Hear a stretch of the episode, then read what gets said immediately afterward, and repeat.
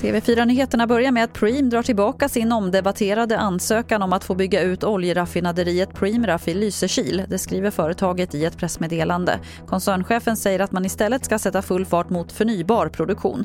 Ulf Kristoffersson är TV4-nyheternas inrikespolitiska kommentator en väldigt, väldigt stor nyhet som eh, förändrar läget eh, för regeringen är ganska radikalt. Det här var ju en fråga som hade kunnat eh, spräcka samarbetet mellan Socialdemokraterna och Miljöpartiet och nu, om jag förstår det rätt, så är den borta från bordet. Nu kräver Estland en ny undersökning av Estonia efter de nya uppgifterna om ett stort hål i skrovet. Det är dokumentärfilmare som upptäckte fyra meter stora hålet på färjan som sjönk för 26 år sedan. Regeringarna i Estland, Sverige och Finland har nu kontakt om saken och klockan 14.30 hålls en presskonferens om det här och den kan man följa på tv4play.se.